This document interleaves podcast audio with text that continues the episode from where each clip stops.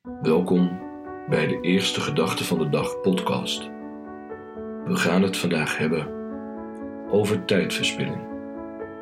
Want je kunt tijd alleen maar verspillen door er niet van te genieten.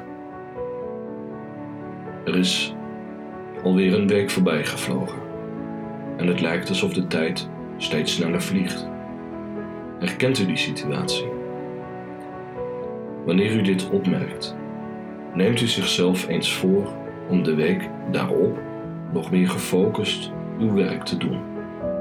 We mogen geen tijd verspillen, want een week is zo weer voorbij. En we zijn vervolgens zo hard bezig om geen tijd te verspillen dat we niet langer meer genieten van ons leven. We zijn ineens een slaaf van de gedachten in ons hoofd die roepen: Stop, het is zonde van de tijd, ga niet door, je bent aan het land te vanteren. Kent u dat?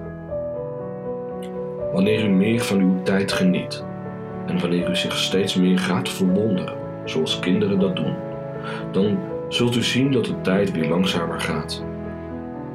U hoeft namelijk niet harder te gaan. U moet anders naar uw tijd kijken. U moet weer naar uw tijd kijken, zoals u dat deed toen u kind was. Iets is alleen maar tijdverspilling wanneer u er niet van geniet.